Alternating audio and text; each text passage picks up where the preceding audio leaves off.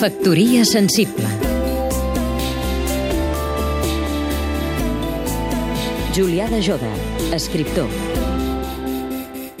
Aquests dies han projectat a la Filmoteca de Catalunya La capsa de Pandora, l'obra mestra de Georg Wilhelm Pabst, basada en sengles obres de l'escriptor alemany Frank Wedekind, la protagonista de les quals és Lulu, la Pandora moderna.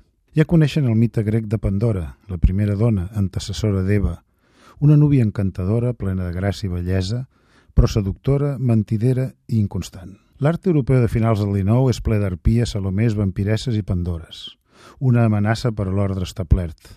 Pandora, en concret, porta al damunt el pecat de la tafaneria, cosa que la farà obrir una capsa, gerra, segons el mite grec, que el seu marit li té prohibit de tocar i que escamparà tots els mals pel món. Pandora representa per a la humanitat aquell dilema entre donar i no donar, entre acceptar i refusar, entre revelar i amagar, entre l'aparença atractiva i l'interior destructiu, entre el do repel·lent per fora i profitós per dintre. El mite també ens porta a ahir la qüestió del matrimoni. Si no et cases, no menjaràs mai calent, no tindràs descendència i et moriràs sol.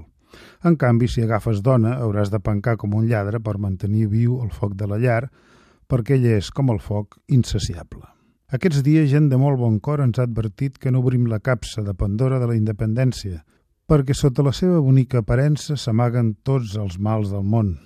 N'hi ha que agafaran por i n'hi ha que voldran obrir audaços la capsa. No cal oblidar que en el mite grec, al fons del recipient, hi quedava l'esperança. Factoria sensible